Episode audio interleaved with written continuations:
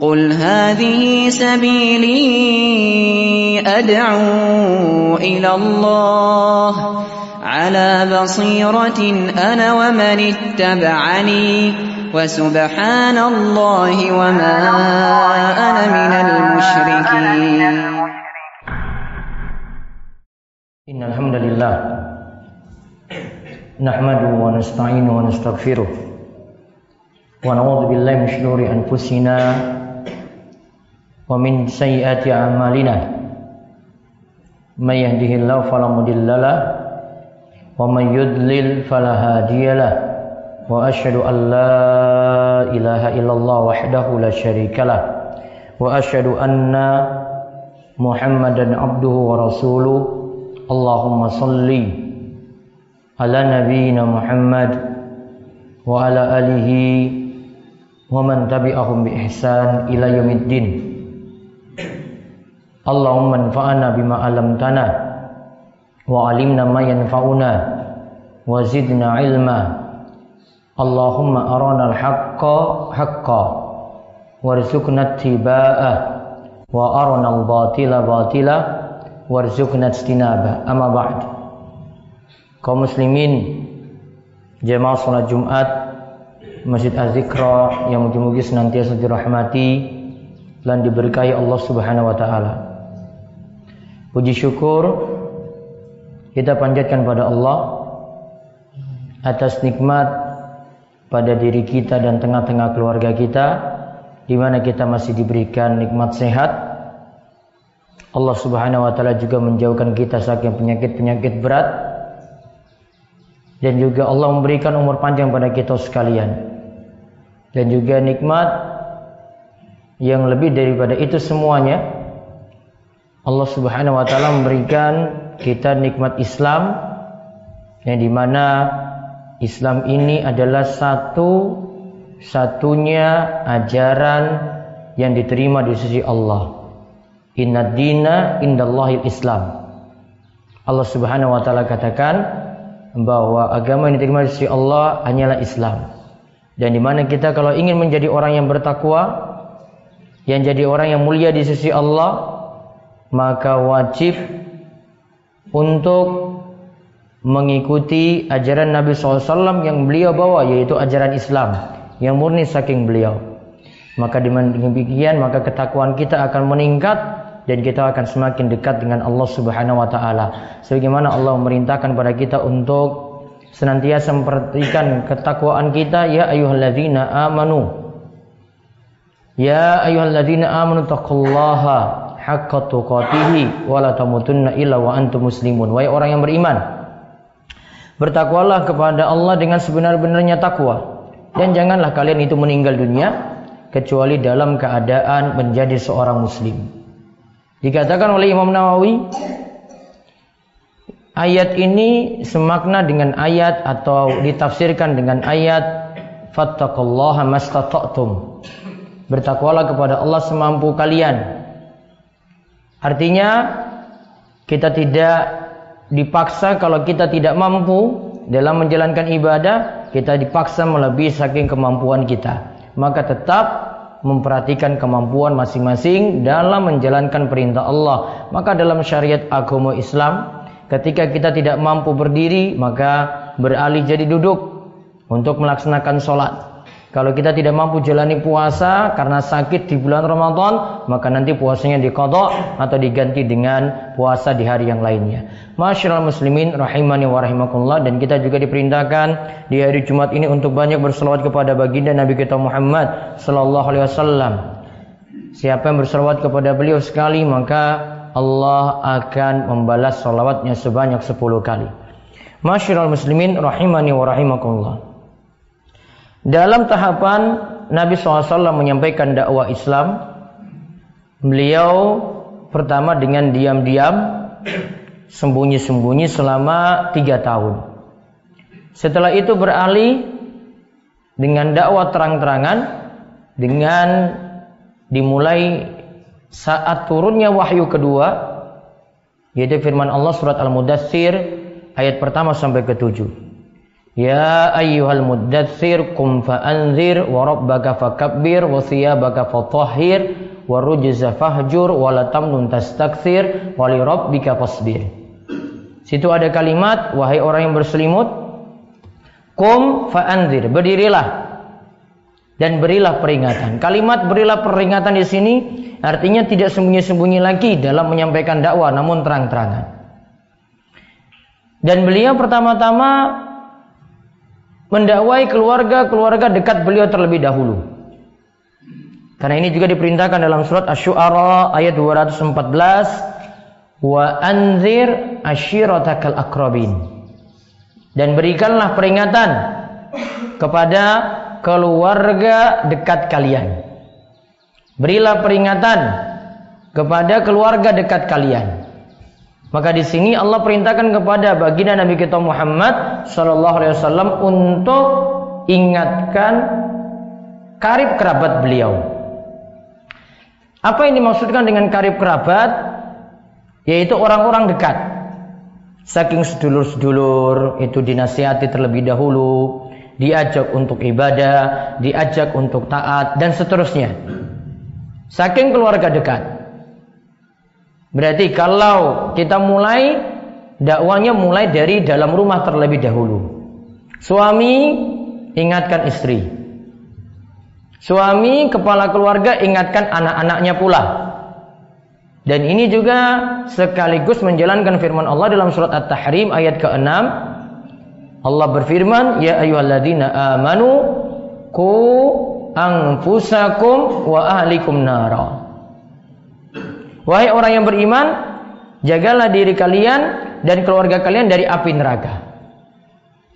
Maka ayat tadi wa anzir ashiratakal akrobin ingatkanlah keluarga-keluarga dekat kalian. Berarti kita dakwahi, ingatkan dulu diajak ibadah dari dalam rumah untuk mentauhidkan Allah, tinggalkan kesyirikan mulai dari dalam rumah terlebih dahulu.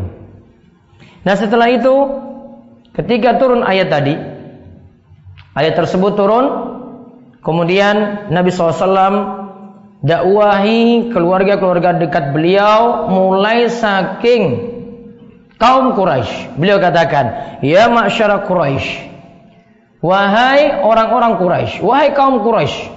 Quraisy ini adalah suku beliau, bangsa beliau yang jumlahnya banyak. Kemudian beliau panggil lagi ketika itu, "Ishtaru anfusakum."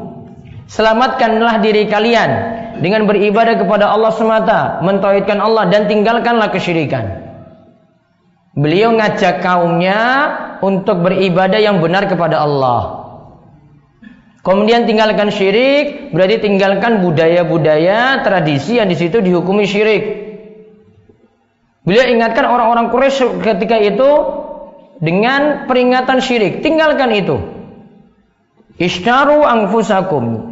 Ya, tebuslah diri kalian. Dengan apa? Dengan memurnikan ibadah kepada Allah, ibadah yang benar kepada Allah, tauhidkan Allah. Lalu ketika itu beliau panggil satu persatu dari kerabat beliau. Beliau katakan, "Ya Abbas bin Abdul Muttalib, ya Abbas bin Abdul Muttalib, wahai pamanku Abbas, putra dari Abdul Muttalib, Kemudian Nabi SAW itu ingatkan bahwasanya aku tidak bisa memberikan manfaat apa-apa sedikit pun kepadamu. Cuma engkau saja yang bisa menyelamatkan dirimu dengan ibadah yang benar. Kemudian beliau juga panggil yang lainnya lagi beliau panggil Sofia amati Rasul yaitu bibi beliau Beliau panggil, "Ya Sofia, wahai Sofia, aku juga tidak bisa menyelamatkan dirimu dari siksa Allah Subhanahu wa taala. Hanya engkau yang bisa menyelamatkan dirimu sendiri." Kemudian beliau juga ketika itu memanggil putrinya, Fatimah binti Muhammad, "Wahai Fatimah, aku sendiri tidak bisa menyelamatkan dirimu. Silahkan kamu ambil harta yang engkau suka." Namun tetap keluarga-keluarga beliau tadi beliau dakwahi perintahkan untuk ibadah. Maka itu tadi realisasi atau bentuk beliau itu mengamalkan firman Allah dakwahilah keluarga-keluarga dekat terlebih dahulu. Apa pelajaran yang bisa kita ambil dalam kesempatan Jumat kali ini? Yang pertama, perlu dakwahi keluarga dekat kita terlebih dahulu. Bahwa bapak sudah rajin dalam menjalankan sholat, sudah rajin dalam menjalankan ibadah, juga meninggalkan maksiat, maka ingatkan juga orang-orang yang berada dalam rumah. Jangan sampai biarkan istri nggak sholat. Jangan sampai biarkan anak-anak nggak sholat. Jangan sampai biarkan orang-orang di dalam rumah itu berbuat syirik kepada Allah Subhanahu wa taala. Itu diingatkan. Diingatkan dengan pelan-pelan, lemah lembut dan secara bertahap. Kemudian faedah lagi yang kedua dari hadis ini, Nabi SAW sendiri tidak bisa menyelamatkan keluarga beliau dari siksa neraka. Termasuk juga kita bapak sekalian, kita semua selain Nabi lebih-lebih juga tidak bisa menyelamatkan keluarga kita.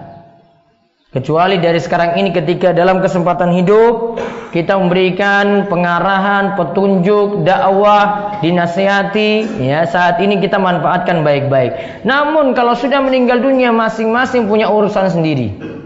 Barangkali memang orang-orang yang hidup memberikan kirim pahala kepada orang yang telah meninggal dunia. Namun itu terbatas.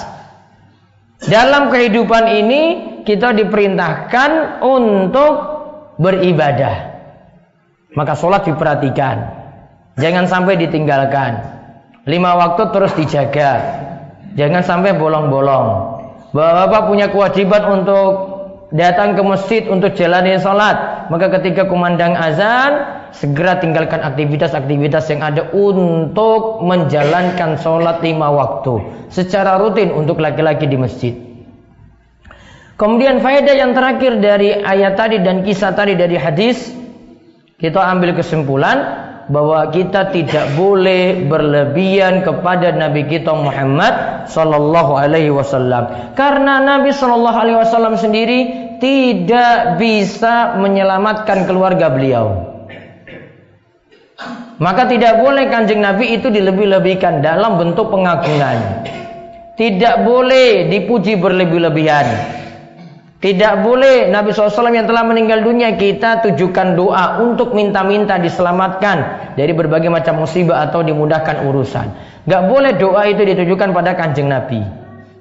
Tidak boleh juga ibadah apa pun itu ditujukan kepada kanjeng Nabi. Dan juga tidak perlu kita itu tawasul menjadikan perantara dalam doa lewat perantaraan Nabi kita Muhammad SAW atau lewat kedudukan beliau yang mulia. Nabi SAW tidak boleh diperlakukan secara berlebihan. Tugas kita cuma mengikuti tuntunan beliau. Apa yang beliau itu jalankan kita ikuti dan kita cukupkan dengan ajaran Nabi SAW saja. Kata Ibnu Mas'ud, "Ittabi'u wa tabtadi'u." Faqad kufitum. Ikuti saja petunjuk Nabi. Dan janganlah berbuat amalan, melakukan amalan yang tidak ada tuntunan, tidak ada dasarnya. Fakot kufitum itu sudah mencukupi kalian. Berarti tugas kita kepada Nabi SAW terhadap Nabi SAW ikuti setiap ajaran baginda Nabi. Namun kalau dalam hal kita kultuskan, kita agungkan berlebihan nggak boleh. Lebih-lebih lagi manusia yang lainnya selain baginda Nabi kita Muhammad Sallallahu Alaihi Wasallam. Contoh kita mengikuti Nabi bagaimana? Sholat kita kita sesuaikan dengan tuntunan kanjeng Nabi. Puasa kita kita jalankan sesuai dengan tuntunan kanjeng Nabi. Haji bagi yang berhaji dia jalankan juga sesuai dengan tuntunan kanjeng Nabi. Setiap ibadah apa pun dan ini untuk urusan akhirat, urusan agama kita, maka kita sesuaikan dengan apa saja yang Nabi Shallallahu Alaihi Wasallam itu ajarkan. Maka itu akan jadi keselamatan untuk kita sekalian. Kalau tidak, siapa yang melakukan amalan yang tidak ada tuntunan kata Nabi SAW, fahuwaratun. Siapa saja yang melakukan amalan yang tidak ada tuntunan, maka amalan tersebut tertolak. Maka amalan itu bukan pakai tradisi. Namun amalan itu langsung dari kanjeng Nabi kita Muhammad Sallallahu Alaihi Wasallam. Dan mugi-mugi kita dimudahkan untuk mendawai keluarga kita sekalian dan juga kita dimudahkan untuk mengikuti tuntunan Nabi Shallallahu Alaihi Wasallam dan kita semua selamat dari siksa neraka. Diri kita itu selamat. Begitu juga anggota keluarga kita yang ada. Aku luka hadza. Wastaghfirullah li wa lakum muslimin. Innahu was-sami'ul alim.